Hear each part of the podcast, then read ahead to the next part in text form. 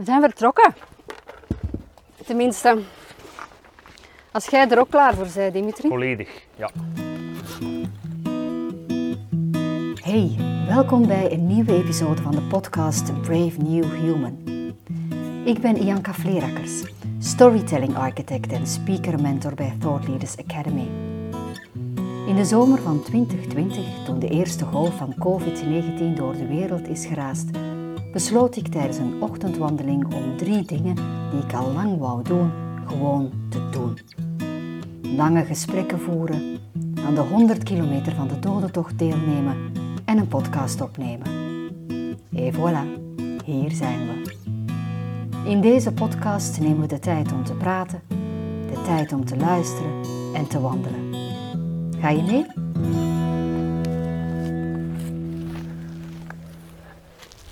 Mijn wandelmaatje vandaag is Dimitri Barbe. Dimitri is de bezieler van communicatiebureau Make Sense.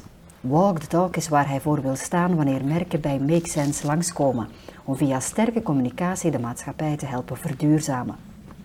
Maar Dimitri is in de eerste plaats landbouwingenieur. En het is een natuurmens in hem die ik tijdens ons gesprek en gedurende 10 kilometer wil leren kennen.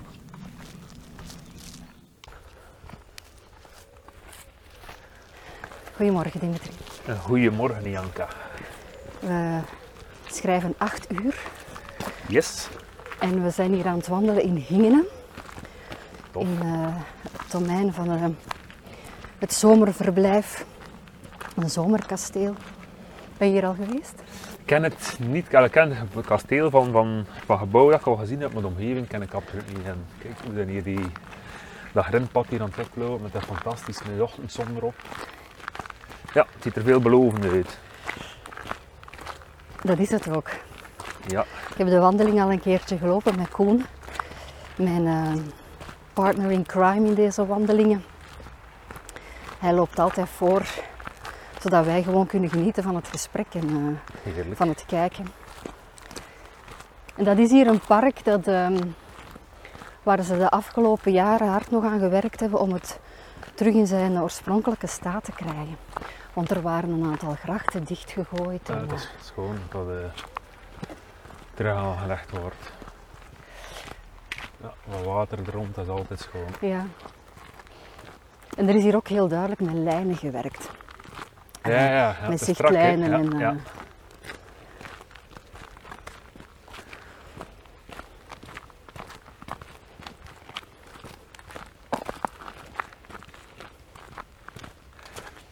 Het is ideaal uur hè, voor de natuur te zien wakker worden. Voor vogels te, zien, te beginnen zien. Ja. Ah, kijk, schoon. Kom echt hier. Kijk, de warmte van de zon die al te oh, voelen zalig. Maar kijk eens aan je rechterkant. De reden waarom dat we de wandeling hier starten, is eh, natuurlijk het park. Maar eh, er is hier op dit moment ook een, ehm, een landschapstentoonstelling van een, van een kunstenares. Eh, ik, wacht, ik ga even voorlezen. Hè. Dat is, ehm, hoe heet ze hier? Estelle. Estelle Chrétien. Die kant eh, verwerkt heeft rond. Eh, dit werk heet Blauwe Landbouwdraad. Het is een haakwerk van blauwe Haakwerk, landbouwdraad ja. op lokale hooibaal. Met dit geplastificeerde en ruwe touw, dat wordt gebruikt om het stro of hooi bijeen te binden, maakt ze een haakwerk. 8 kilometer draad, Ja. een maand haken. Het is het resultaat van lange en gedisciplineerde arbeid. Ja. Het doet ons nadenken over de grenzen tussen werk en vrije tijd, plezier en zoegen. Taken die als typisch mannelijk of vrouwelijk worden beschouwd. Handenarbeid en mechanische uitvoering, kunst en ambacht. Ja, 8 kilometer, hè. een maand is lijkt me een bandje, dat is, dat is van vestnetten ook. Er is een oude vestnetten als u het oceaan ophalen. Dat is zo ruw? Of? Ja, Ah, ja, ja, ja, dat is echt een zware nylon. Amai, dat moet, ehm, dat moet zeer gedaan hebben, denk ik, aan haar vingers. Ja, dat is echt een, een bloemenroset in. Ja. Noeste arbeid hier. Taken die als typisch mannelijk of vrouwelijk worden beschouwd. Wat zou dit dan zijn voor u? Goh, ik weet niet of dat zo mannelijk of vrouwelijk is. Ja, de haken ook- zou ook- ik zien als vrouwelijk en dan, dan het mannelijke is de maar- Ja, landbouw zit er ook in, maar landbouw is ook, dat is voor mij ook wel wat vrouwelijk, vind ik. Ja? Ja. Demeter is de godin van de landbouw. Ja. Dat is Dimitri. Echt waar? Ja. Maar jij bent voorbestemd om iets met de natuur gemaakt Ja, te doen. ja, en ik heb ook landbouw gestudeerd. Ja, het is daarom. En de landbouw, of, of, of landbouw komt eigenlijk van observeren vanuit de natuur, de zaden, wilde zaden, 7000 jaar geleden, beginnen in de grond steken en is, dat is eigenlijk zeer zorgzaam. En dat is ook zeer vrouwelijk, vind ik. En vandaag is de landbouw natuurlijk super industrieel, hè? Dat, is, dat is een heel ander verhaal, maar per definitie denk ik dat het toch wel... Nochtans, ehm, zaden in de grond steken, zeg je. En dan, dan, eh, daardoor is onze beschaving helemaal veranderd. Zijn we van nomaden veranderd eh, naar mensen die eh, op één plek bleven wonen en, en de, de grond en, de, en de samenleving gecultiveerd hebben en regels hebben en beginnen opmaken. Ken je, ken je de, de filosoof Harari? Ja. Ja. Ja. Ehm, En ben nu zijn evenknie denk ik aan het lezen. Harari heb ik niet gelezen, of nog niet gelezen. Maar nu Zwaarden, Paarden en Ziektekiemen van Jared Diamond aan het lezen. Ah ja, die ken ik nog niet, dus dat is, een, dat is Ja. al een tip, dat is goed. Nu, even terug naar Harari, die zegt dan van ja, eigenlijk is het, is het dan beginnen fout lopen. Het feit dat we die zaden in de grond hebben gestoken. En Dat heeft de verdeling hebben- van de wereld wel bepaald. Hè? Dus waarom dat de wereld onverdeel, ongelijk verdeeld is. Hè? Maar of dat fout is of niet, ik weet niet. Ja, dat het is is niet aan mij- woord. het is niet- ja. aan mij voor daar een oordeel over te hebben, maar het zijn natuurlijk een paar omstandigheden die gemaakt hebben dat er op een aantal continenten zeer veel chance geweest is met, met oermateriaal in de grond te steken en te zien dat dat, dat, dat groeit. En op andere plaatsen is dat niet gebeurd. Hè. Eh, En dat maakt dat eigenlijk daar het begin van continenten die een voorsprong hadden op anderen. En van zodra er voldoende voedsel is en dat je niet meer nomadisch moet leven, en zodra dat er voldoende calorieën kan geproduceerd worden, dat niet iedereen moet bezig zijn met voedselproductie, krijg je ook een aantal functies van mensen die structuren kunnen beginnen uitbouwen, die kunnen eh, eh, aan politiek doen, kunnen, die, die, niet, die niet meer moeten bezig zijn met landbouw. Hè. En dat Mhm. maakt dat dan maatschappij beter kan georganiseerd worden, dat er eh, ontwikkeling is, dat er staalproductie is, dat er zwaren kunnen gemaakt worden, dat er dieren gedomesticeerd worden, dat er paarden en kunnen gaan veroveren. Hè. Ja. Maar Dat, is, dat is begonnen vanuit landbouw. hè. Ja, vanuit iemand die zaadjes in de grond heeft Van iemand die zaadjes in de grond. En de natuur die dat ook, ook een, eh, een selectiesysteem heeft. Hè. Dus de natuur heeft verschillende typen van zaden, met een dikke zaadhuid, met zaden die sneller kiemen. En de mensen hebben gewoon gezien dat sommige zaden sneller kiemen en die daarop verder geselecteerd, onbewust, hè, maar dat Ja. heeft wel een selectie teweeg gebracht. Kijk, hier heb je nog een werk van eh Estelle Chrétien.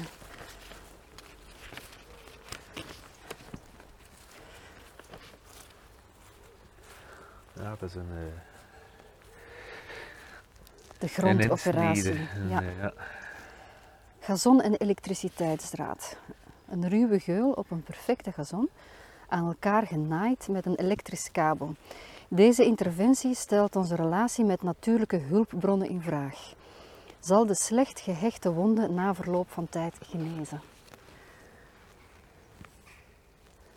Wat Ja. ik hier zie, Dimitri, is... ehm, Het is bijna pijnlijk vanuit te kijken. Hè. ja, ja, het is zeer, hè? Ja, het is Gek, zeer, hè? ja.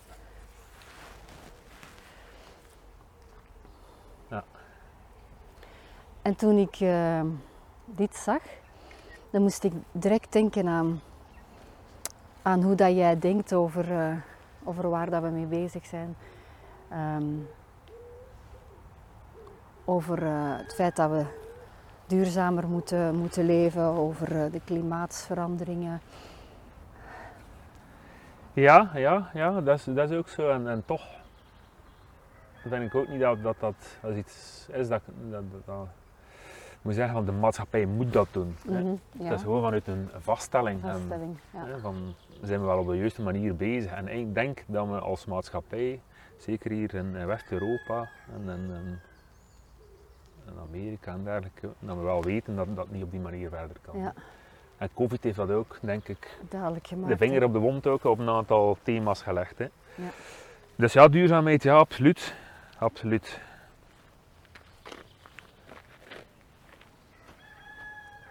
Ja, het is wel de boel samenhouden, dat kunstwerk. Het is, ja. Ja. Het is eigenlijk ongelooflijk hoe, hoe hard het dat kan inwerken. Hè. Zo'n, uiteindelijk is dit maar een snee in de grond. Ja.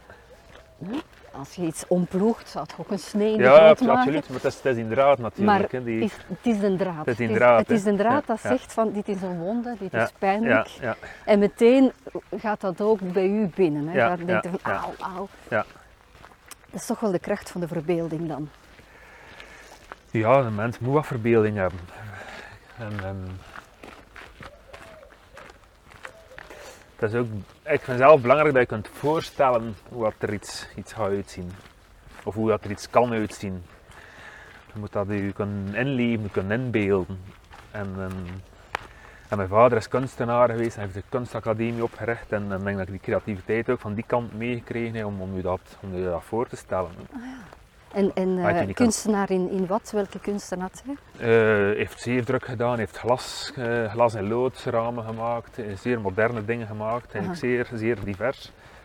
Eh, en heeft dat ook altijd kunnen overbrengen op, op, op kinderen, op jonge kinderen. Hij heeft ook heel zijn, zijn leven lesgegeven, heeft die kunstacademie van een klasje van, van 20 studenten opgebouwd tot een school met 700 studenten. Echt waar. Ehm, en altijd rond die creativiteit en, en, en naar musea gaan en daar, daar als, als, als jong kind een mening beginnen over vormen en leren naar kijken. Wat zie je erin? Ja, ik zie daar niet heel veel in, of, of ik zie er wel iets in. Of, of, eh. En dat vind ik wel schoon dat je dat kunt, dat je al kunt inbeelden. Hoe kun je naar iets toewerken? Hoe, hoe kun je droom van iets? Hoe kun je een bedrijf neerzetten? Als je niet kunt voorstellen dat er gaat uitzien. Mhm. En als, Ja. als er al is, hè, dan, dan, voilà, dan staat, die dan staat dat kompas, daar staat die paal, daar staat dat baken daar. En dan moet je gewoon je, je roadbook er naartoe volgen. En dat pad zal misschien wel niet altijd pad zijn dat je voor ogen hebt, maar het staat er wel je doel. Dus visualiseren is iets wat dat jij makkelijk kan of hebt geleerd als kind? Of. Ja, ja, en dat ik ook belangrijk vind. Hè. We, zitten ook, we zijn actief in communicatie. Probeer dat snel te visualiseren, ook voor, voor, voor, voor onze klanten, voor bedrijven waar we mee samenwerken. Hè. Zodanig dat het onmiddellijk tastbaar is, dat mensen daar direct een gevoel ook mee kunnen krijgen. Ja. Kijk, wat gewoon zegt hier over visualisatie gesproken. We staan nu aan de achterkant van het zomerkasteel. Ja. En er is een vierkante vijver waardoor het, het kasteel perfect weerspiegelt in het water. Ja, die symmetrie is wel knap. Ja, dat is een bewuste keuze geweest van de architect in Ja. de tijd. En toch niet te veel franjes en niet te veel toeters en bellen er rond. Hè. Nee. Mooi.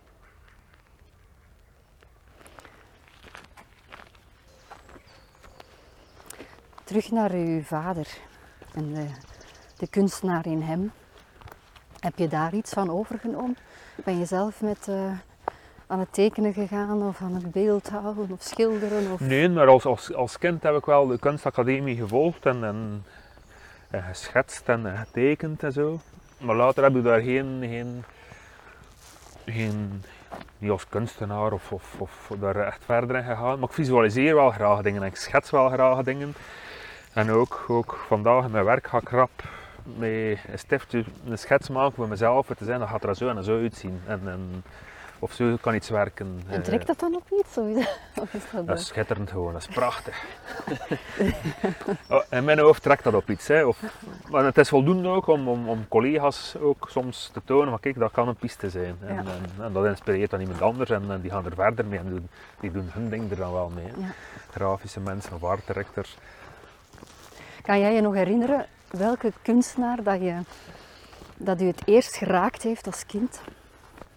Als uw vader u meenam naar musea en... Ja, dat? kunst, kunst, kunst, de kunstenaar op zich niet als jong kind, maar ik vond die, de gebouwen, musea met de kunst dan altijd bijna volledig totaalspektakelen. Ah, ja. en, en, eh, dat is een installatie, dat zijn statige gebouwen of, of, of barokstelen met dan barokke werken of zeer minimalistisch.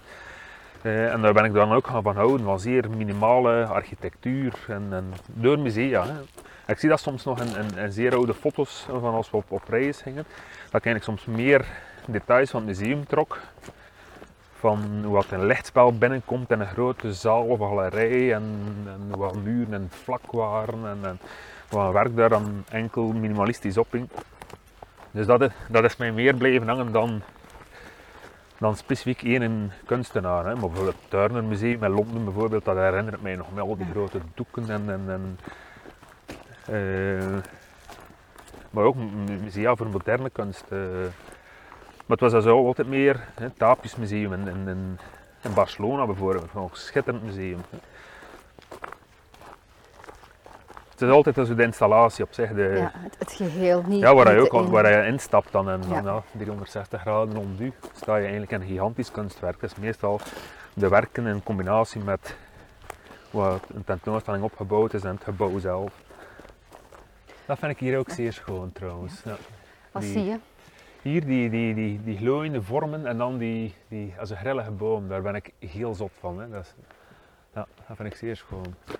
En wat doet dat dan met u? Die- dat vind ik bijvoorbeeld zeer, ja, dat is, dat is krachtig. Dat is, dat is, eh, omdat er hier gemountainbiked wordt en gewandeld wordt. En toch staan er hier dan echt van die karakterbomen die, ja, die er waarschijnlijk al eh, de wereldoorlog op zitten hebben bijvoorbeeld. Ja, één of twee, ja. En, dus, voilà, en nu wandelen wij hier en, en dat lijkt allemaal zo vanzelfsprekend, maar dat is, net, hè. dat is even monumentaal dan dat museum hè, Ja. waar, waarom, waarom we over spreken.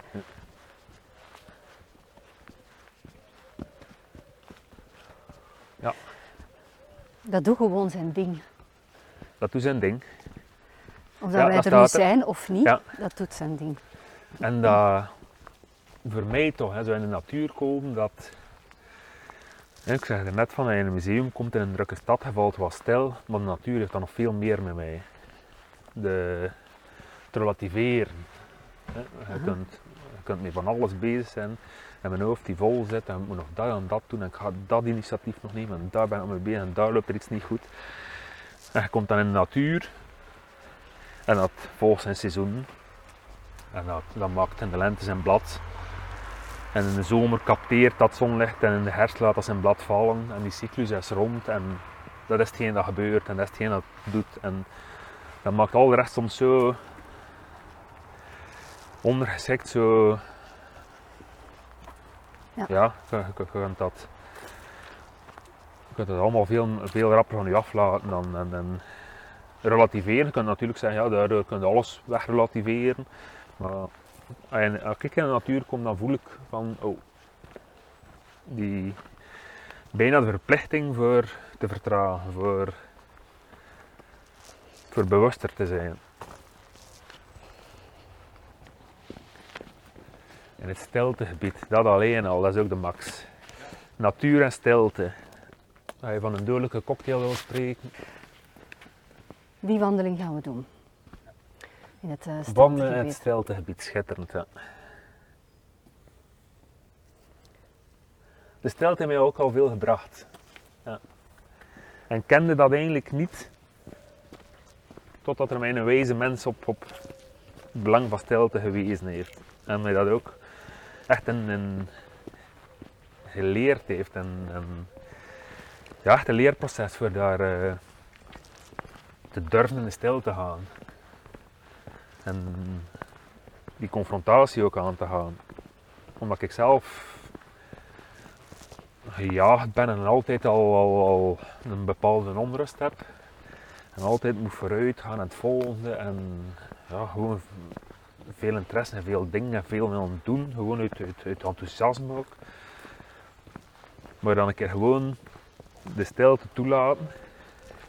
En dan heb ik leren erva- ervaren hoe, hoe confronterend dat kan zijn. Hoe, hoe, hoe over, wat dat mij overvalt. Hè, of overviel. Hè. En dus daar, daar leren mee omgaan en daar heel regelmatig dat ook opzoeken. En dan uh, leren naar jezelf luisteren en wat, wat brengt die stilte u en wat heeft die stilte te vertellen en welke antwoorden komt er uit jezelf. En dat, dat, allee, dat, dat vind ik ongelooflijk krachtig en dat is iets dat ik de laatste jaren echt uh, geleerd heb. En, en dat in combinatie met natuur. Hè. Wij wonen dicht bij Puienbroek, bij de nacht in het provinciaal domein ook. De achterkant zijn eigenlijk allemaal bossen, dus eigenlijk op 500 meter van ons huis. En heel af en toe doe ik dat ook wel. Gewoon naar het bos gaan en een half uur in, in de absolute stilte gaan zitten. Hè. Ik weet ook mijn plaatsjes waar je mensen gaat tegenkomen, dus je moet er dan ook niet, ook niet, niet druk op maken dat je gezien wordt of dat je gespot wordt, omdat je er in, in stilte met je ogen toe ergens tegen een boom zit. Hè.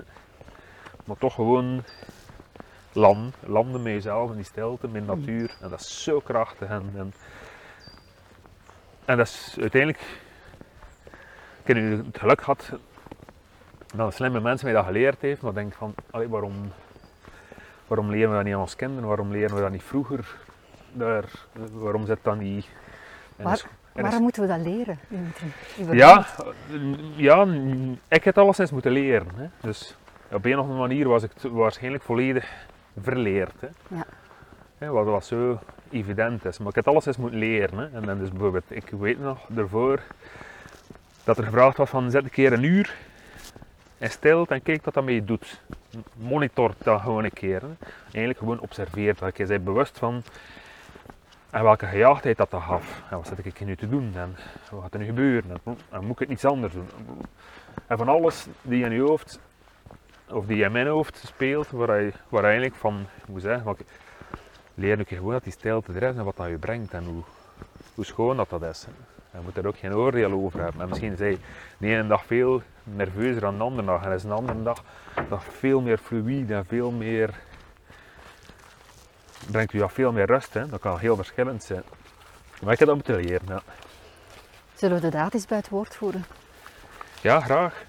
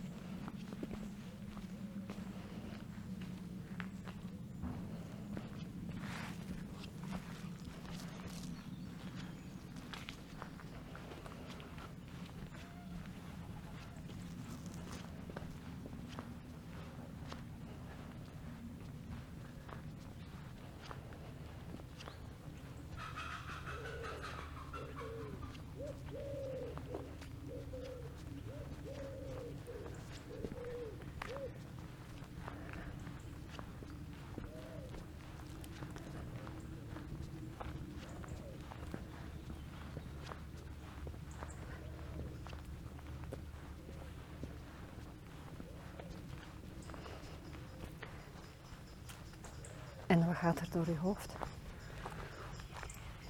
Gewoon de natuur, hè. De, de alertheid van wat je hoort, vogeltjes die beginnen communiceren met elkaar. Dus, uh, uw zintuigen zijn rijker. Ja. Tijdens uh, COVID ben ik um, heel veel beginnen wandelen. Om het lopen dat ik deed af te wisselen. En heel vroeg, ook om zeven uur s morgens, ja. uh, bij het ontwaken. En uh, dan had je geen vliegtuigen, geen auto's. Ja, ja, ja. En ik heb toen terug leren luisteren. Ik denk uh, dat mijn gehoor zich terug heeft ges gestemd ja, ja, en geupgrade. Ja, ik, Alerter. Ik, ik, kon veel beter horen. Morgen. Um, en de vogels lieten ook veel meer van zich horen, vond ik. ik vond dat hier. Ja, Zo, wij zijn hier. Dat is hier eigenlijk ons plek. maar dat is, denk ik, omdat je, omdat je er ook bewust zo naartoe kijkt. Hè? Ja. Als we van punt A naar punt B gaan, omdat we dat moeten doen, dan gaan we van punt A naar punt B op de meest efficiënte manier en we gaan heel veel rondom ons waarschijnlijk niet gezien hebben. Maar op het moment dat je zegt van nu, nu moet er niets, en ik ben hier gewoon. voilà, je voelt zonlicht op. Als je in de zon loopt, voel je de warmte en, en je ziet, je ziet dauw op natte gras en je hoort je vogels communiceren met elkaar. Dan is je er een onderdeel van. Hè. Mhm. En ik denk dat dat wel ook dan maakt dat je, dat je het allemaal veel beter hoort en dat, dat eigenlijk dat je bewustzijn gewoon hoger is. En wat heeft dat gebracht, die, die, die lockdown-periode? Is dat dan meer die connectie met de natuur? Het, het gekke is dat dus wij, hadden al het geluk dat iedereen gezond is gebleven. Dat er geen eh, rampen zijn gebeurd. Dat er geen, het enige grote verschil was dat ik ineens met het hele gezin continu thuis zat. En als je vier creatievelingen in één huis zet, ja, dat, hè, Ja. dat is dan Ja. soms een beetje lastig. Wat suspense. Het huis wordt hoe dan ook te klein. Hoe groot het huis is, het wordt altijd te klein. Ehm, anderzijds, doordat we creatievelingen zijn, kunnen wij ons altijd bezighouden. Er komen altijd projecten Ja, op ons het af. is een ongoing proces. Ja, dus, dus eh, ineens, als de wereld stilvalt, dan krijgen wij terug ruimte om dingen te gaan maken, dingen te gaan doen, te- gaan nadenken. Dat is, de, dat is mijn habitat, mijn natuurlijke staat van zijn. Dus dat is iets dat dan direct de plaats inneemt. Ja. Ehm, En dat voelde ook comfortabel aan. ja, ja, omdat ik dat vroeger als acteur had ik daar regelmatig voor. Hè. Ik werk altijd in projecten en dan komt het spreekwoordelijke zwarte gat. Ja. Maar dat is voor mij nooit een zwart gat geweest. Dat is altijd een periode van herbronnen geweest. Het enige zwart dat eraan was, was dat er geen inkomsten waren. Hè. Ja. Maar voor de rest was dat een, een tijd van lezen, nadenken, herbronnen, ehm, dingen verzinnen en terug vertrekken naar het, vol- naar het volgende project. En eh, het was interessant om te voelen dat ik die reflex nog altijd had. Dat die frisheid er nog in zit. Om- ja, dat, eh, dat ja. die reflex van, eh, oké, weet je, dat liet er allemaal stil, maar eh, we hebben eigenlijk weinig nodig om, om onszelf gelukkig te maken en bezig te houden en, en daar iets van waarde uit te halen. En sowieso was ik al aan het sporten en dan denk ik van, nu heb ik ineens veel meer tijd om te sporten. En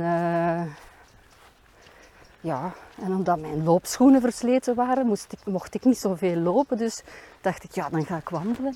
Ja, ja, ja. En dan, eh, dan beginnen de ideeën mij te bestoken. Je raakt hier nu een eh, struik aan. Ja, is ik, de eerste dat je aanraakt. omdat ik ze niet, niet echt ken. Het het eigenlijk een, een, eh, een veredelde sierkastanje. Het is een kastanjeblad, maar dus ik ken de naam niet. En, en het is dus gewoon een bloeiwijze en het valt op. En ja, ik vind dat interessant.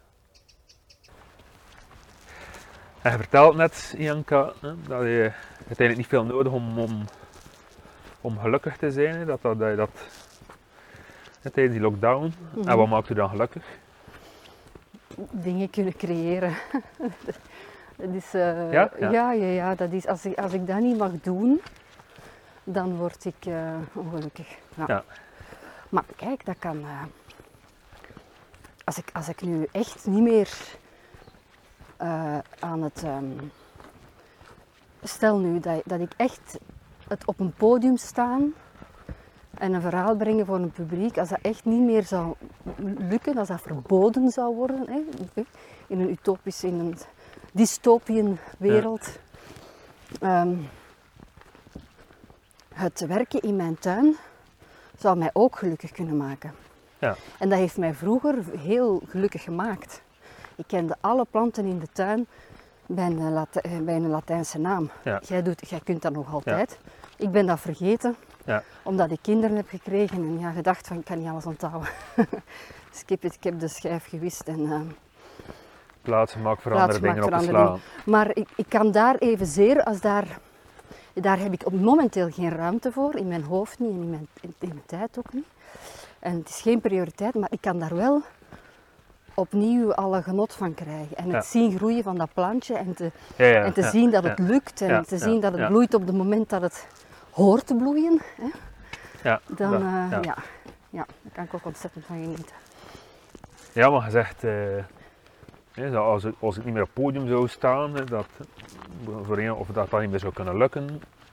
Maar is dat podium het Nee, Want volgens mij is dat een, een, een kanaal, dat is een, een, Dat is een kanaal. forum hè, voor Tuurlijk, creativiteit. tuurlijk. hè. Ja, ja, maar de nee, vorm, maar dat is- hè, dat is de vorm. dat is de vorm. Maar En wat dat ik daar... vorm via een Ja. podium, of, hè, maar dat kan volgens mij even goed via een ander, Ja, dit hier, hè, podcast. Hè. Ja, bijvoorbeeld. Hè. Vandaar dat ik eh, mezelf uiteindelijk een eh, storytelling architect ben beginnen noemen, omdat, ehm, omdat een verhaal zich vertelt via verschillende media. Jij doet daar één kanaal Ja, van en ik doe daar andere eh, kanalen van. En eh, ik ben dat woord beginnen gebruiken omdat mensen zeiden van, allee, wat doe jij toe eigenlijk? Jij doet dat en jij doet dat en jij doet dat. En ieder- mensen zagen dat allemaal als heel verschillende dingen.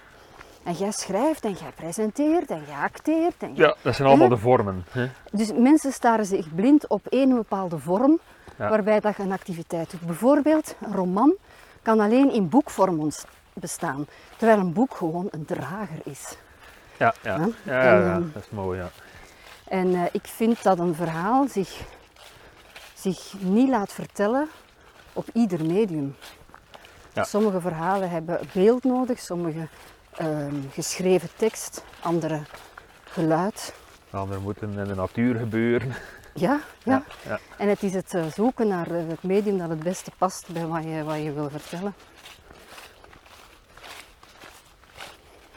Dat is, ja, dat is, dat is, dus gewoon, dat is dus gewoon een kapstok zo over alle verschillende activiteiten en alle verschillende Ja. creativiteit dat je, dat je brengt. Hè. Ja. Ja, ik wilde mij niet belemmerd voelen, eh, omdat mensen beperkt zijn in hun, in hun visie of hun kennis van, van wat het vertellen van verhalen zou kunnen zijn. Het is die creativiteit daarin leggen die uiteindelijk uw drive is en die, die geluk geeft en die... De verwondering opzoeken. Hè. Ja. Ik kan naïef verwonderd blijven over dingen. En mij kun je echt alles wijsmaken. Gewoon maar omdat ik geloof in het... eh, allee, Ehm, om- omdat ik wil geloven in de mogelijkheid van de dingen. Maar naïviteit is zeer schoon. Hè. Ik heb een collega, ik heb er gisteren een groeigesprek mee gedaan. We doen jaarlijks met onze collega's een, een, eh, een groeigesprek ook in de natuur. We doen een wandeling in de natuur, omdat dat, dat is veel, dat is veel dat is natuurlijker in plaats van in een vergaderzaal zitten en tegenover elkaar zitten. En, en, dus het noemt ook een groeigesprek, omdat, omdat mensen willen groeien en vooruit gaan en stappen willen zetten in hun leven. En, en, dat is iemand die binnen twee weken negen is, eh, nu is hij 59, binnen twee eh, weken wordt hij 60. En ieder jaar moet ik dat opnieuw zeggen. Hij is zo positief naïef. Die, die, die, die kinderlijke naïviteit zit er nog altijd in. hè. mhm. En soms denk ik van, allee, hij dat nu ondertussen nog altijd niet door, door 40 jaar professioneel actief te zijn, dat ze ons eigenlijk aan het opleggen zijn. Of dat dat, dat, dat niet gaat werken, of dat dat niets gaat worden. Hè. Maar aan de andere kant vind ik die, die naïviteit kunnen aanhouden bijzonder schoon, bijzonder krachtig. Ja. En er blijven in geloven, en er blijven iedere keer misschien soms wel een keer beetgenomen zijn of, of een keer een frustratie toch gaan overhouden, maar daar eigenlijk niet uit je lood, of daar niet door verbeterd worden, of daar niet gecrispeerd door worden, of, of, of Mhm. En dat, dat blijven hebben, en daar blijven naar kijken, en vol verwondering, en vol passie, en vol, hè, dat is een, duurzaamheidsexpert, vol goesting om, om daar iedere keer aan bij te dragen. Ik vind dat uniek zoiets. Hè. We zijn er nu, nu in het eh, stiltegebied. We hebben nog geen moment gezwegen in het dat is stiltegebied. waar. Ehm, ik vraag me eigenlijk af waarom dat ze dat zijn beginnen benoemen dat er een stiltegebied is. Ik vind dat niet raar dat we daar ook weer op gewezen moeten worden, want dit is een... Een bord, ja. Ja, maar aan de andere kant vind ik het wel goed dat, dat er gewoon een bordje staat, smack in the face. Hè. We zijn hier een gebied stilte, dan kan mensen, je kunt er iets mee doen. Oh, wil dat zeggen, dan moeten zwijgen en moesten nog een keer doen. Er wordt erop gewezen.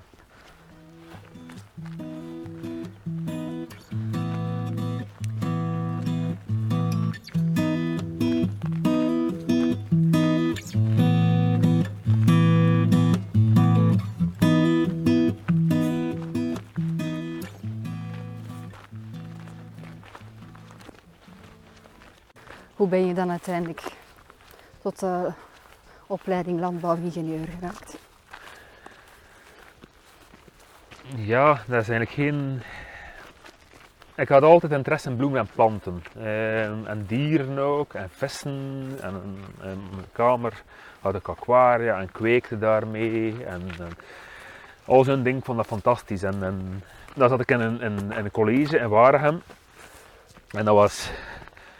Dat is een instituut waar je mensen bijna kapot maakt, denk ik. Of jonge mensen. Hè. Dus daar krijg je geen impulsen, daar krijg je geen stimulans, daar krijg je geen creativiteit. Dus je wordt echt in, in vakjes geduwd en klaargemaakt om in een maatschappij mee te draaien waar dat er verondersteld wordt, waar een ander veronderstelt wat je zou moeten doen en hoe je moet functioneren.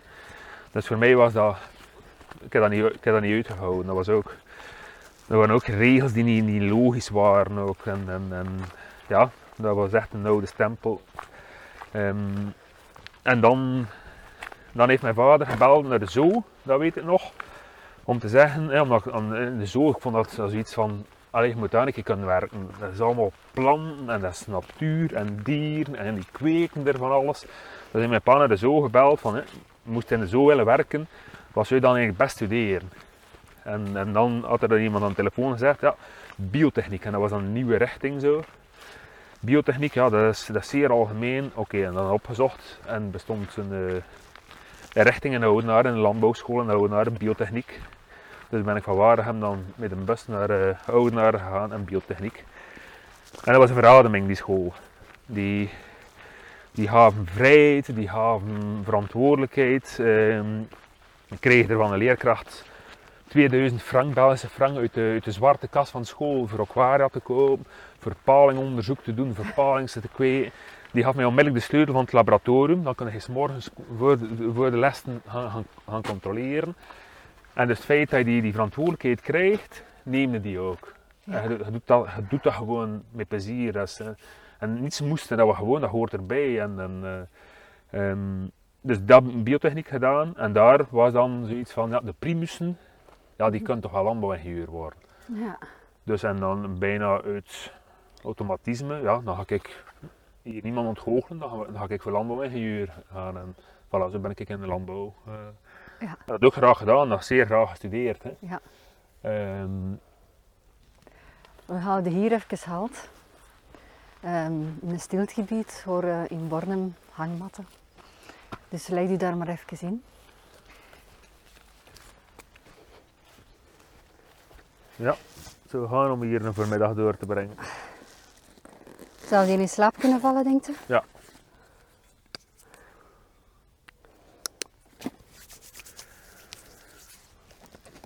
Vroeger ik met mijn maat veel eh, overlevingstochten, nee, overlevingskampen gedaan in Orval. Toen ik 16 jaar was, dachten van, je moet toch in het bos kunnen overleven. Er is toch voldoende in het bos voor... Mhm. Dan gingen we met ons tweeën naar eh, de bos van Orval. En dan sloegen we een tentje op, dus we mochten alles van materiaal mee hebben dat we wilden. Dat was onze eigen regels. Hè. Dat was behalve eten.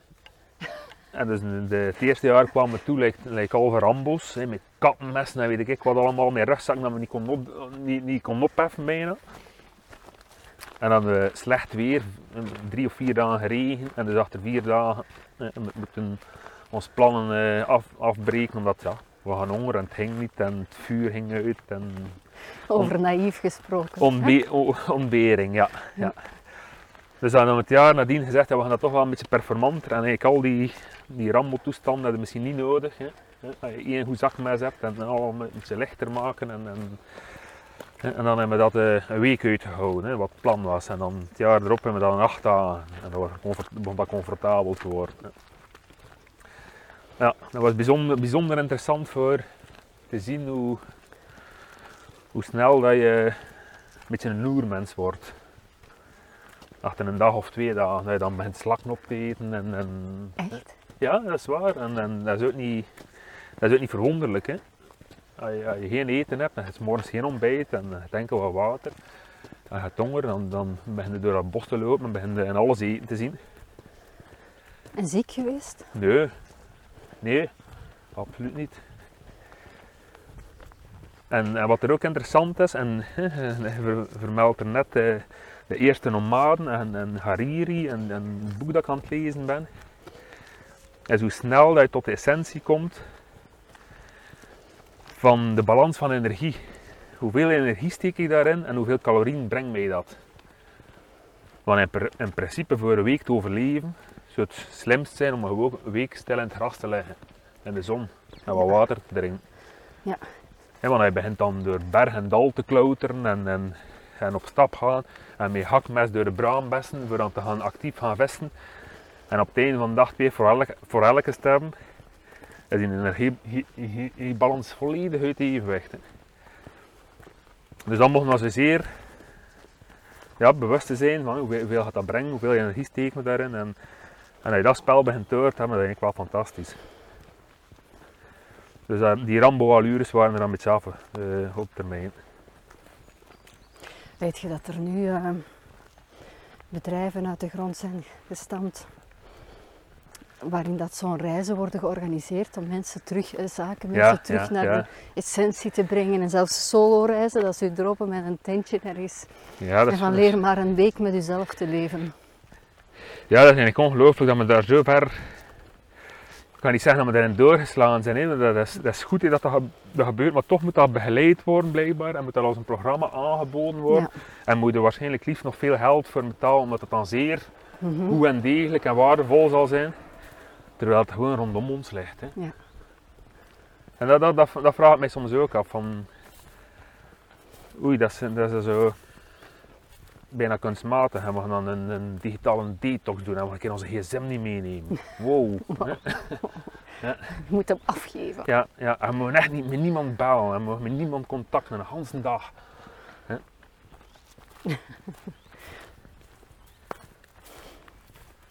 Heb je een idee wat daar ligt, links naast ons?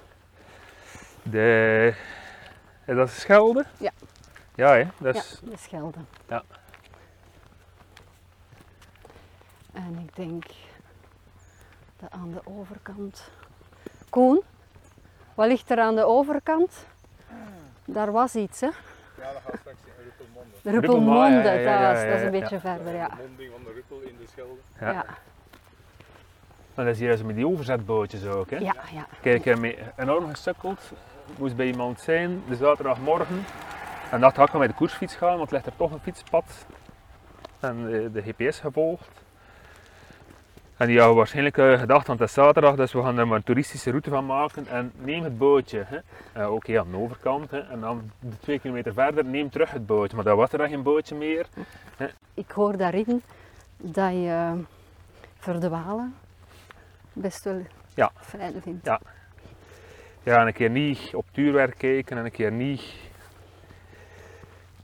Ja, de, eh, soms de performance drang dat ik mezelf ook op, vaak opleg. Hè.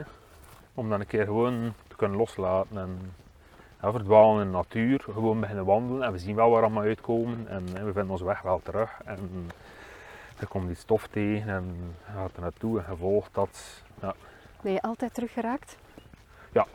Zonder een hulplijn, hulplijn Ja. in te roepen. ja absoluut. Nee, daar maak ik mij nooit zorgen over. Hè. En wat, eh, wat zorgt ervoor dat je terug op de weg raakt?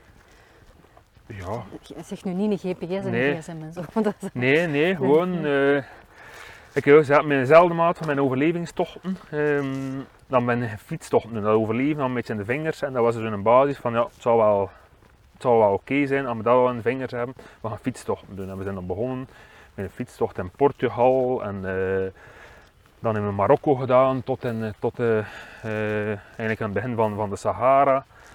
Ehm, en dat was dan zodanig warm dat we dan IJsland gedaan en dan zes weken om IJsland gefietst. Maar dat was een periode waar er geen gsm was. Hè. We hadden nog geen gsm's, we waren 20 jaar of 22 jaar. En dan ga je gewoon zes weken op reis. Hè. Je stapt op vliegtuig eh in Zaventem en dan zei je tegen je ouders tot binnen zes weken. En dat was eigenlijk geen escape. Zo. Terwijl dan uw kinderen altijd dat vangnet hebben, altijd. Hè. Als als het niet lukt, ik ga naar huis bellen. En dan wordt er gereden of wordt er een, plan bedacht. Hè.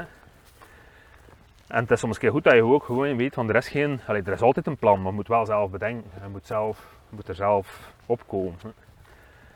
En bijvoorbeeld in IJsland hebben wij s'nachts stormen gehad. En dan, we hadden dan een zeer goede expeditietent gekocht. En dat is zeer goed voorbereid ook. En met, met, met, met fietsreizigers die wereldreizen gedaan en gesproken. Naar buren gegaan en materiaal vergeleken. Maar toch soms s'nachts gewoon die tent moeten opbreken. Omdat, omdat men midden in die lavavlakte, dat gaat hier gans kapot waaien. Dat gaat hier, hè. We moeten hier gewoon tegen. Hè. We gaan ons neerleggen op de grond om dat zeil hè, voor alles ons hebben en houden te beschermen. Hè. Fietsbom weg te waaien en zo. En dat zijn zo wel momenten dat, dat, dat, dat ik altijd ga me herinneren van. Hè. Je moet gewoon handelen, maar dan moet je niet... Dan is er even geen vangnet meer. Je moet gewoon je gezond verstand gebruiken en met twee handen wat, wat, wat er nodig is. Maar is dat nu iets dat je ook aan je kinderen, zou je dat toelaten aan je kinderen? Ja, ja. Dus je zou dat nu aandurven? Ja. Zeggen, oké, trek maar zes weken zonder gsm, trek je plan. Wow. Ja, en dan... Ik vind dat ook belangrijk. Eh, ik vind Dat dat als ouder de spanning moet aandurven om... Om die, dat risico die er aan is en die, die angst die er aan is, dat gewoon bij jezelf te houden en dat niet over te dragen op die kinderen. Maar je weet dat als er iets fout loopt, dat je het voor de rest van je leven... Maar je weet Ja. ook dat, dat, dat intelligente jongeren zijn die ook hun verstand kunnen gebruiken, die ook kunnen beslissen, die ook kunnen wekken en wegen afwegen. Ja, hier is eh, de overzetboot naar Ja. eh, Ruppelmonde. Ah, ja, het torentje, ja. Schoon zegt. We zitten hier in de polders van Kruibeke. En die scheepswerf is nog actief, duidelijk. Ja. ja. Want dat is niet boelwerf, hè, dat is volledig... eh, Nee, nee, nee. Dat is... dat is, er Boelwerf is, is, een, is een andere kant, hè. dat is En, aan uh, ja, Temse. hè. Thames, en daar zijn er appartementen Ja, gezet. Ja. ja.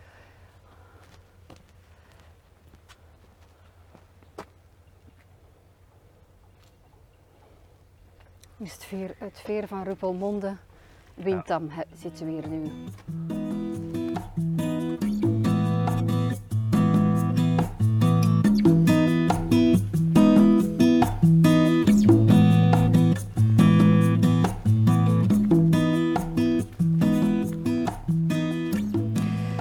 Dat Straks vertelde je dat je dus van biotechniek naar landbouwingenieur bent over of doorgegroeid. Maar waarom geen boer?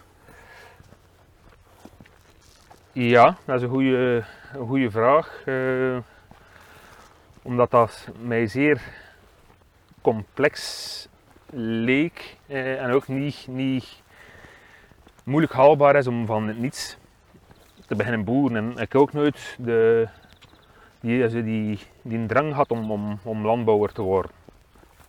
Als we landbouwbedrijven gingen gaan bezoeken, vond ik dat wel, ik wel krachtig, maar dat was ook zeer industrieel en, en zeer produc- productiegericht. Ehm, dus dat heeft nooit echt in mijn been gebeten. Maar ja, toen, nu zou je misschien, stel dat je dat nu zou doen, dan zou je naar zo'n bioboerderij kunnen.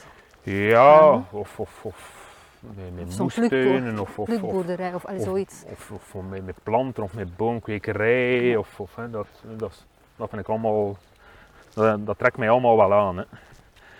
Maar wat doet een landbouwingenieur dan? Wat is daar zo ingenieus aan? Optimaliseren.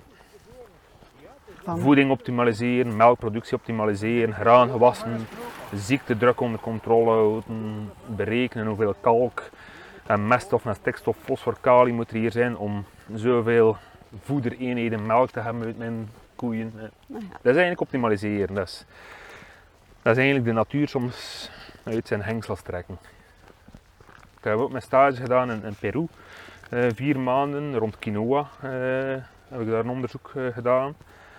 Alhoewel dat, dat quinoa teelt weinig tropisch is, dan zat ik op de Altiplano vlak op 4000 meter hoogte. Dus daar, daar de stenen uit de grond. Dus dat was niet zo tropisch, maar dat was wel, ik vond dat zeer boeiend. Hè, naar een andere kant van de wereld reizen voor echt een, een, een pseudo-graangewas, een Inca-graangewas, een zeer historisch graangewas. eh, en, en, en te kijken wat dat kan veredeld worden, wat er meer opbrengst kan zijn hè, voor, voor op, op, droge gronden en dergelijke meer. Ehm, dus ik heb dat met plezier gedaan ook. En ik vond het ook vrij tof om, om te reizen. En dan zat ik in, eh, in Puno, dat is aan, aan Titicaca meer. En dat was eigenlijk maar op een paar honderd kilometer van La Paz, Bolivie. En in het weekend gingen we dan naar, naar Bolivie.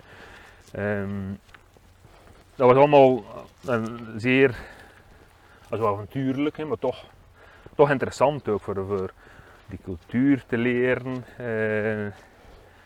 en daar dan wel heel duidelijk ervaren dat als jong landbouwingenieur dat je de kennis absoluut mocht hebben om iets te verbeteren. Maar dat niet dat je noodzakelijk gelijk hebt. Je kunt gelijk hebben, maar je moet ook gelijk krijgen. Hè. En dus je zit daar met culturen en met systemen en, en, en hoe een maatschappij in elkaar zit, dat je eigenlijk niet als 22-jarig manneke moet zeggen, maar we gaan dat zo en zo. Dat werkt ook niet zo. Hè. Dus de, belang, de kennis van antropologie, van, van cultuur, van gedragsverandering is op zo'n moment veel belangrijker dan uw technische kennis over, over uw landbouw. Hè. Dus voor mij was dat wel een, een zeer, een zeer schone conclusie van. Je kunt in het leven gelijk hebben, hè, maar je moet ook wel gelijk krijgen.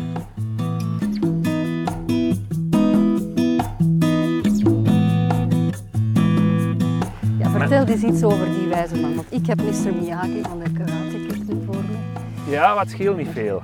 Het is hem. Nee. Het is- Die, eh, het is ook een eigenwijze man. Hè? Dus, hè? En als je eigenwijs zit, zit het woord wijze nog altijd in. Dus op dat vlak ja, heb ik hem zeer graag. Dat is eh, André Pelgrims en dat is eigenlijk een, een, een coach. Maar die dat op, op, op een manier doet die met mij absoluut sterk geresoneerd. Dat is, dat is, dat is ongelooflijk powerful. En, en, en dus het zijn al een paar jaar dat we, dat we veel dingen samen doen ook. En, en, en waar ik eh, ook in zijn voetstappen eh, treed om, om, om daar hem in te volgen. En, en, en die mij ook challenge daarin. En, en, en dat brengt mij ook veel. En, en eigenlijk, door, door, door samen te werken met zo iemand, vind dat voor mij een van de schoonste cadeaus dat ik aan mezelf gedaan heb. Om daar verder ook stappen in te zetten en er eh, als persoon te durven challengen, te durven ontwikkelen, durven, durven dingen te benoemen waar je eigenlijk misschien zelfs angst voor hebt, omdat je weet van ja, dat is iets, dat is een, misschien een donkere kant van mij, of, of een, een kant dat ik niet graag zie en dat ik eigenlijk al heel mijn leven wegduw. Hè. Mhm. Maar laten we ons een keer die ommoelen, laten die een keer naar boven komen en waarom, waarom zit er daar angst op of, of wat doet dat met u? Hè? Om, om, om daarin te graven en daar, daar actief mee aan de slag te gaan, ja, dat heeft mij zeer veel gebracht. Ook dan, eh, specifiek naar het bedrijf en hoe je met mensen omgaat, hoe je mensen aanstuurt. Patroon dat ik ook met mezelf voorheen niet zag, hè, dat je eigenlijk spanning of angst gewoon integraal doorgeeft aan je team. En hier, het ligt in een bak, want ik kan er blijkbaar niet mee om. Mhm. Waardoor dan het team dan ook begint te crisperen en, en, en misschien begint eh, dicht te slaan en zegt oei, we betrouwen dat hier niet. En, en Ja. dat wordt heftig. Om daar te leren mee omgaan. hè. Ja, je stelde daar straks een vraag aan mij wat de COVID-periode heeft eh, teweeggebracht of aan mij heeft geleerd of, of wat er boven is komen drijven. Ik stel die vraag nu naar jou, eh, aan jou om, om dezelfde reden. Hè. Als je zegt van ja, er komen soms dingen bovendrijven. Is dat de afgelopen maanden ook bij jou gebeurd? Dat je hebt gemerkt van hoe, dit wist ik niet, dit was ik vergeten. Dit. De voorbije periode ben ik eigenlijk eh, ben ik heel rustig kunnen blijven. Eh, ondanks het feit dat voor het bedrijf wel een pittige uitdaging is. Hè. Communicatie en marketing wordt zeer snel on hold gezet. Eh, Mhm. dus omzetmatig was dat eh, absoluut geen, geen, geen boeiende periode.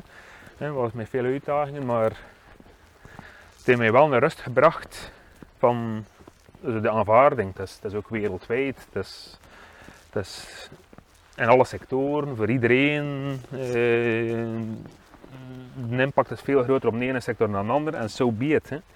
Ehm, en daar le- leren mee omgaan. Vond ik een, boeiende test, maar ben, ik achteraf gezien, of, of, vandaag gezien, wel tevreden als ik er naar kijk waar ik ermee omgegaan ben. En ook naar het team, om daar niet, om daar niet in paniek te schieten. Om daar geen meer stress, meer druk te leggen dan dat er al is. Hè.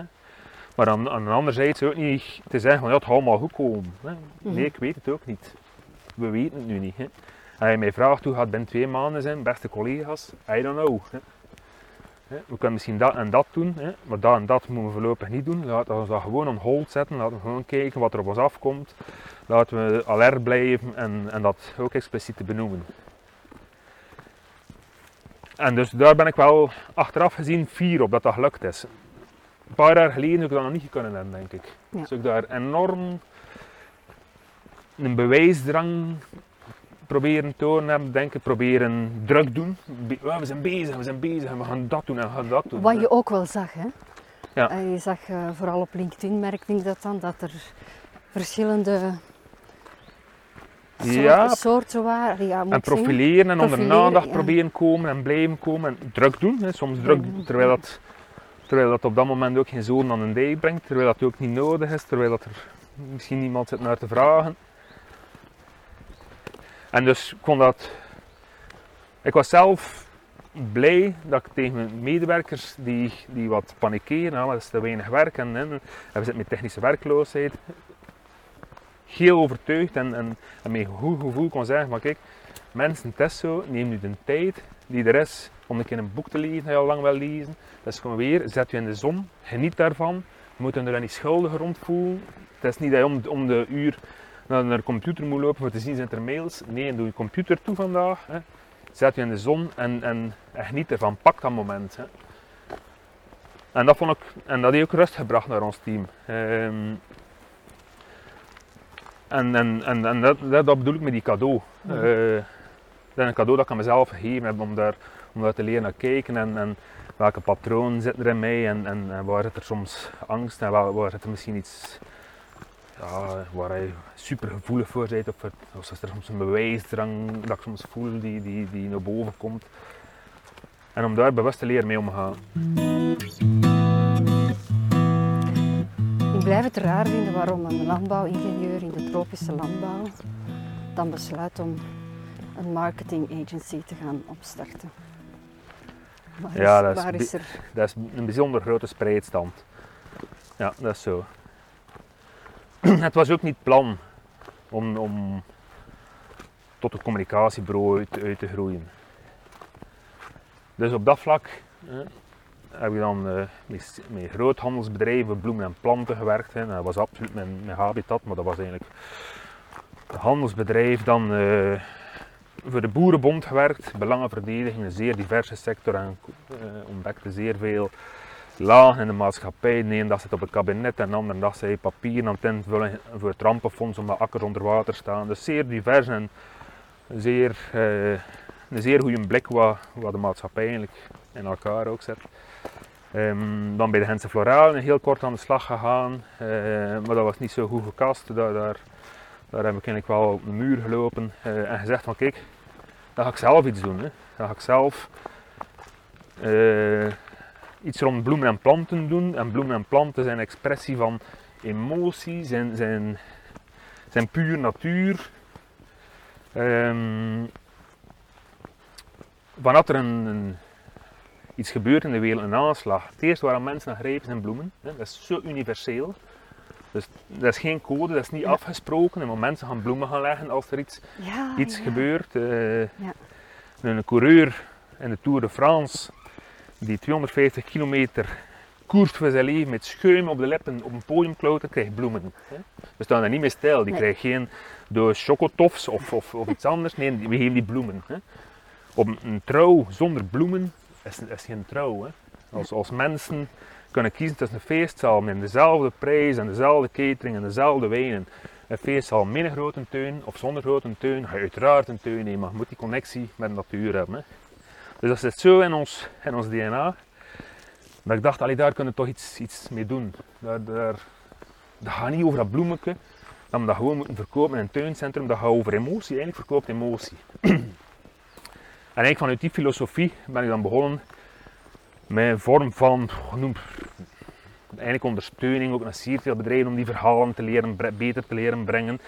En langzaamaan is duurzaamheid er ook bij- meer en meer bijgekomen. Want hè, puur natuur dat staat voor symbool voor, voor natuur en dat is, eh, dat is per definitie duurzaam. Eh, en zo is dat eigenlijk organisch gegroeid naar een soort dienstverlening die je plotseling zegt, shit, is eigenlijk een communicatiebureau dat we hebben. Ah, ja. Ja, goedemorgen. Dat zo met iets bezig zijn van, ah ja, eigenlijk heeft dit kind een andere naam en het heet communicatiebureau. Ja, en, en op vandaag hebben wij ook duurzaamheidsmanagers in dienst. Hè. Dus een, een, een traditioneel communicatiebureau heeft dat ook niet. Dus eigenlijk zijn we ons, ons, ons, ons eigen verhaal aan het schrijven en we zitten wel onder de rubriek communicatiebureaus. Hè. Maar dat is maar een rubriek, dat is maar mensen steken graag alles in vakjes. Wat Ja. zei hij? Hè? Ja. Dat, zei dat of dat. Hè? Maak ik het duidelijk. Ja. Soms is het niet, niet zo duidelijk. Wij zijn bezig met duurzaamheid te stimuleren en we doen dat met toffe verhalen te brengen waar dat duurzaamheid, wow, de kers op de taart is, dat dat krachtig is, dat dat inspirerend is, dat dat mensen in beweging zet, dat dat, dat, dat, woe, dat dat power heeft. Dat is hetgeen dat we doen. Maar gaan jullie dan het kaf van het koren scheiden? Want ehm, ik zie toch wel vaak dat er wordt geschermd met kijk eens hoe goed dat wij bezig zijn en dat het eigenlijk niet veel aan het lijf heeft. Ja, dat is, dat is een, eh, een continue uitdaging. Ehm, maar we willen ook niet, we willen er ook geen oordeel over hebben. Hè. Ja. De feiten zijn de feiten. Als een organisatie zegt van, hè, om een of andere wel, welke reden, dat kan zeer opportunistisch zijn. Dat kan een nieuwe CEO zijn, dat kan door een overname zijn, dat kan door een nieuwe invalshoek zijn. Hè, van, hè, we moeten meer inzetten op duurzaamheid, is dat mooi, hè, dat is, dat goed. En is dat vandaag nog maar 10% als ze doen, dat is goed. Hè? Dat is, dat is? Maar communiceer dan over die 10%. Hè? En probeer die bedrijven te inspireren van hè, waar wil je binnen 10 jaar staan. Hè? Gaat dat misschien 50% en communiceer dat al. En zet die een roadmap uit en maak dat wat duidelijk voor, uw, voor, klanten en voor, uw, voor, voor de omgeving.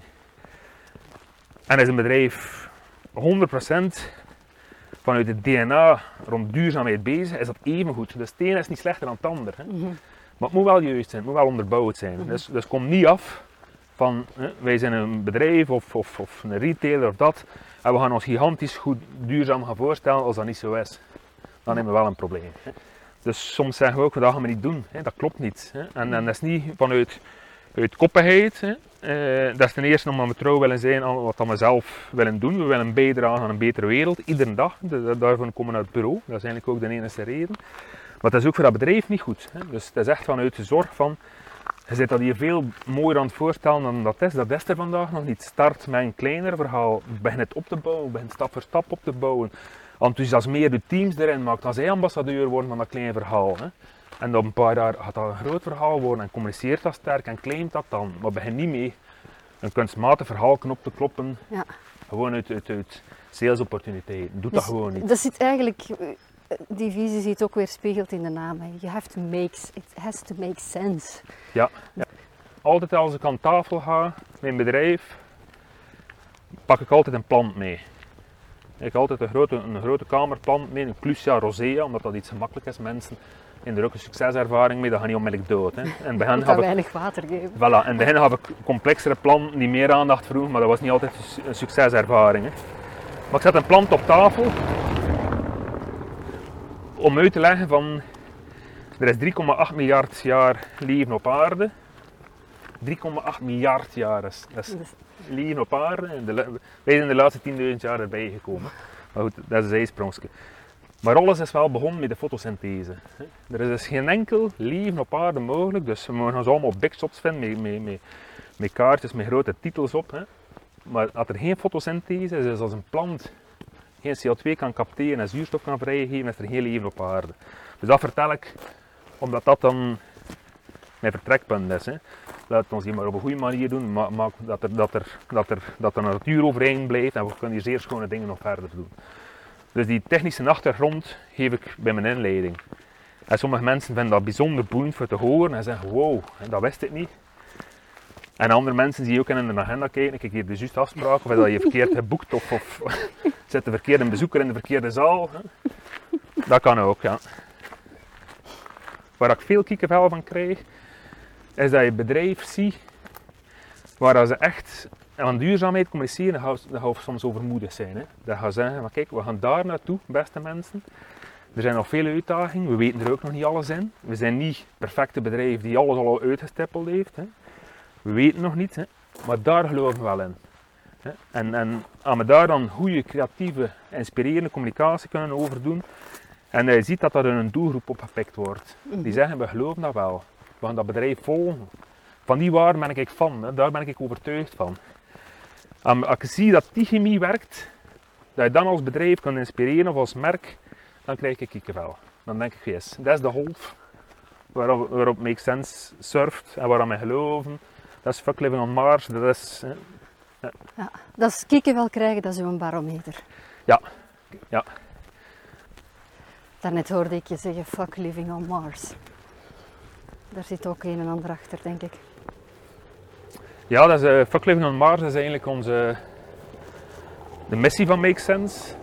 De quote van ons team ook. En dat refereert naar, naar, naar Elon Musk, die een schitterende ondernemer is en die, die ongelooflijk veel power gehad heeft voor een automobielindustrie disruptief op zijn kop te zetten. En die nu ook het meest waardevolle automerk ter wereld is. Al die andere merken gewoon met kop en schouder voorbij gestoken heeft. Dus chapeau. Maar ondertussen ook met SpaceX bezig is om de mensheid naar Mars te koloniseren. En toen ik dat een paar jaar geleden hoorde, dacht ik van, eh, fuck Elon. Daar, daar zitten we wel niet op te wachten. Laten we ons hier eerst maar op een goede, duurzame en tegere manier doen. En er is hier nog zoveel werk, hè, vooraleer dat we zeggen, oké, we gaan nu met de Happy Few een keer gaan, gaan verder feesten op Mars. Dus vandaar, hè, fuck Living on Mars, daar volg ik hem niet in.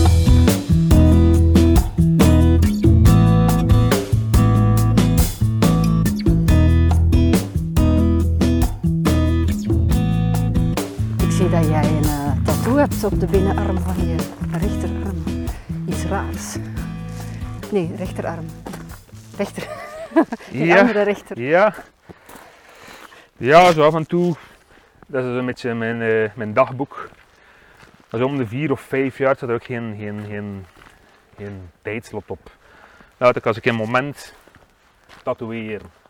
Eh, Jij had één moment tattoo. Ja, zo'n een, een periode. Zo, Ja, een, ja. een periode van vijf jaar. En, en, en dat moet dan gesymboliseerd worden.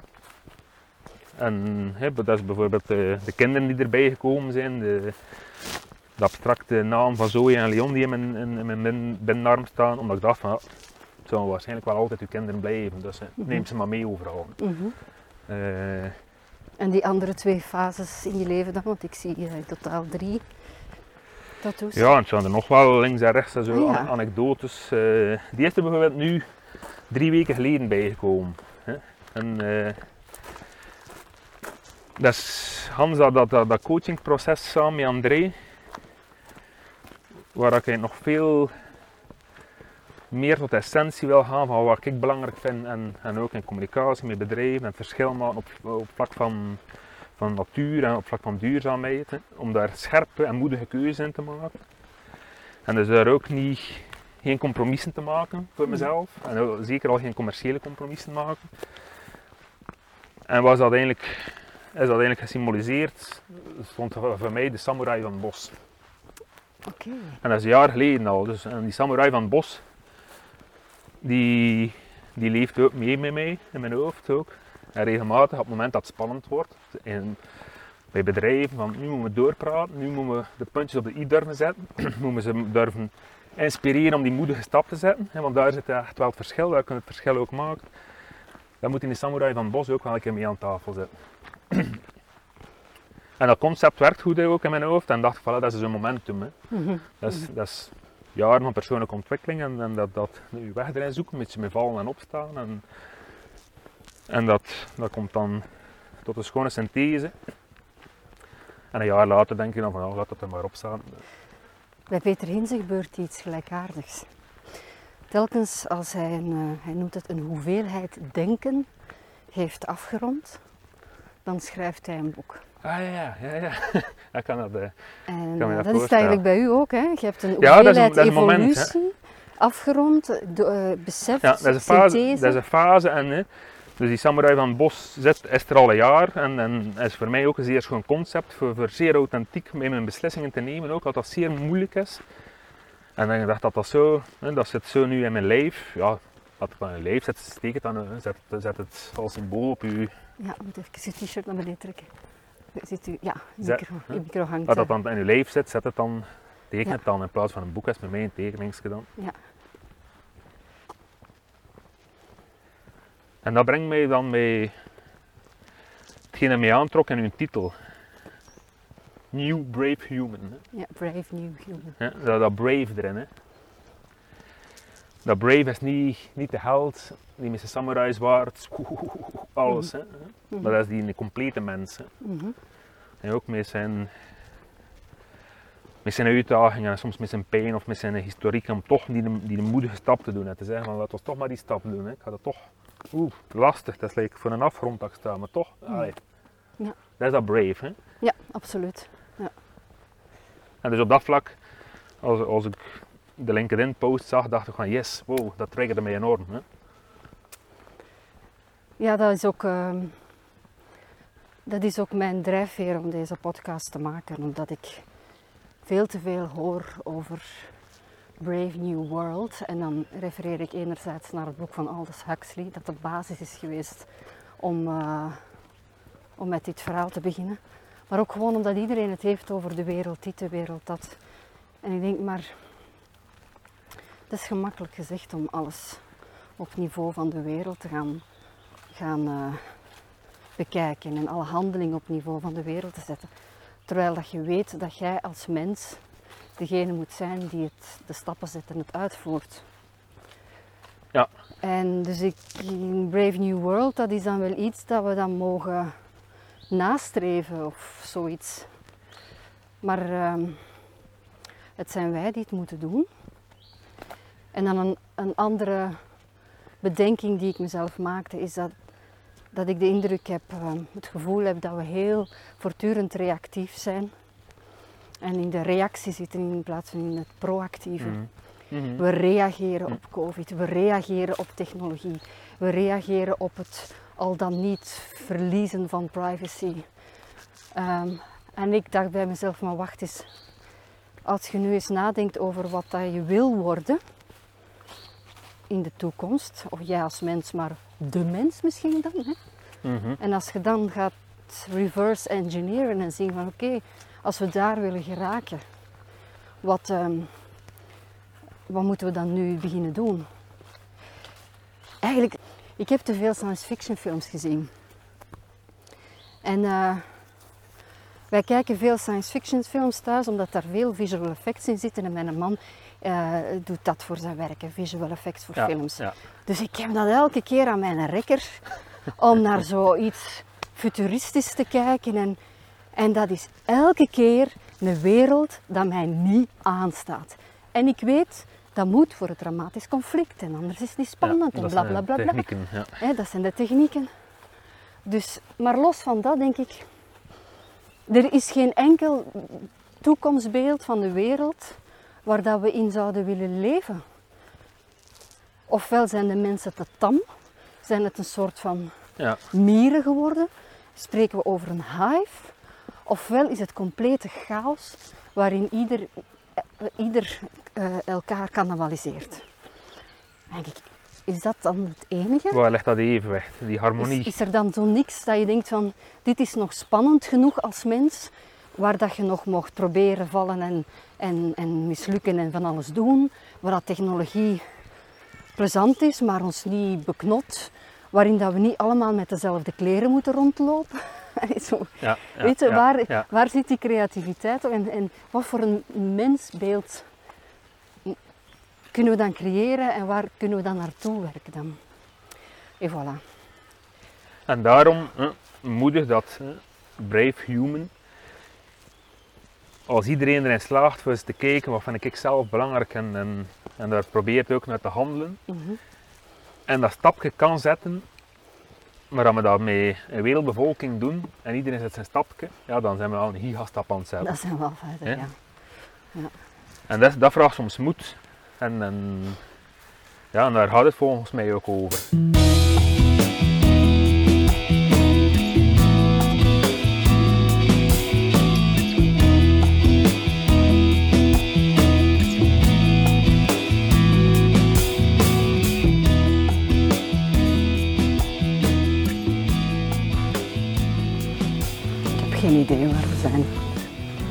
Het u zeggen, in de kleine Hinkstraat. Maar in welk dorp Ah, of dat, weet ik, waar? dat weet ik niet. Dat weet ik niet. Maar het is hier goed. Kijk, ik volg blind hè. Dat is, Dat vertrouwen, hè. Dat is vertrouwen, ja.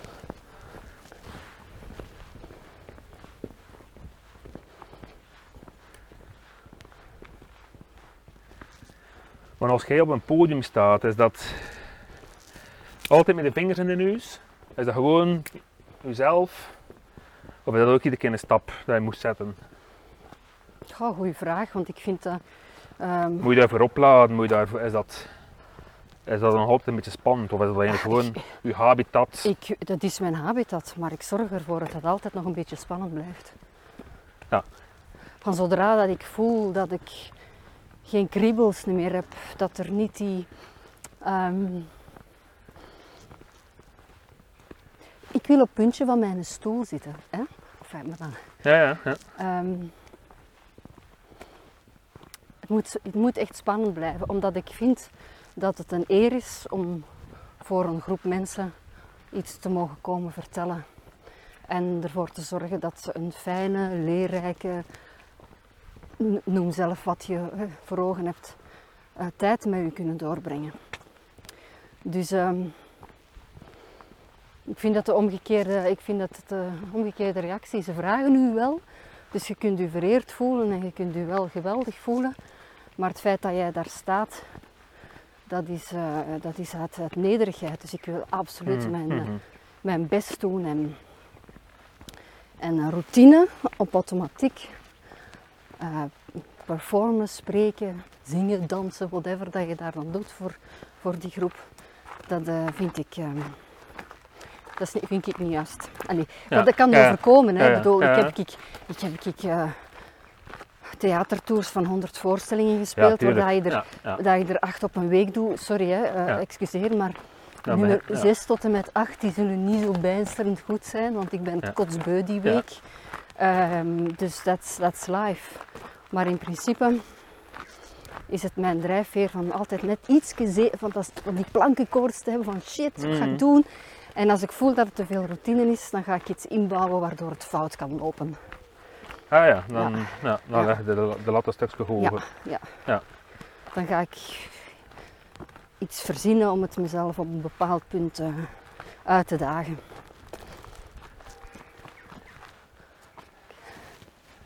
Dat is spannend. Ja.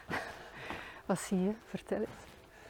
Dat lijkt mij een dameslepje aan de voet, aan de stam van een boom. Maar dameslepje op, op zich, dat is ook kantwerk, is niet het spannende, maar wat dat rond in een boom geraakt is. hè. Voor mij is het spannendste dat die ondersteboven, die, die boomvrouw hangt ondersteboven. Ja, het zit zijn benen, hè. Zijn benen. Hè. benen, ja. Heb je een idee waar we zijn? Geen idee, maar het zijn hier opnieuw van die grillige bomen, hier een acer en een eik. En... We zijn terug aan het begin. Zijn we in het begin van de wandeling Ja. terug? Ja, tof. Maar zijn wel rond. Ja, die, ja, twee uur gewandeld. En dit, is, eh, dit is weer een, eh, een werk van eh, Estelle Chrétien. En diezelfde? is- ja, en het heet Hieronder. Gordijnstof op eik. Op een kruispunt, benen in de lucht en hoofd begraven in de grond, roept dit werk in eerste instantie het beeld op van kantelingerie. Maar tegelijkertijd ook de afstand tussen het, het intieme en het publieke, of de verhouding tussen de binnenkant van een huis en de buitenkant, met de billen bloot. Ja, en, en ze heeft een avondputje ook, hè? En een venusheuveltje ook wel. hè. Mij wat, eh, Ja. begint het toch Een lange benen, hè? een lange benen. Dat is belangrijk, hè?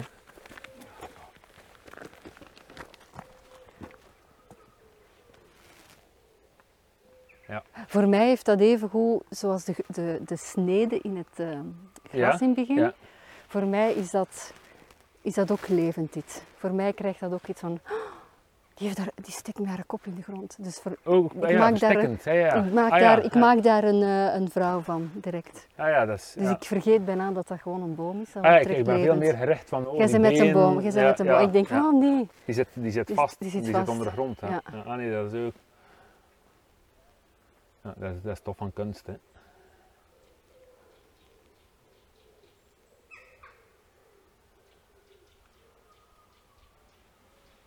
Ja. Stukje intimiteit in het bos.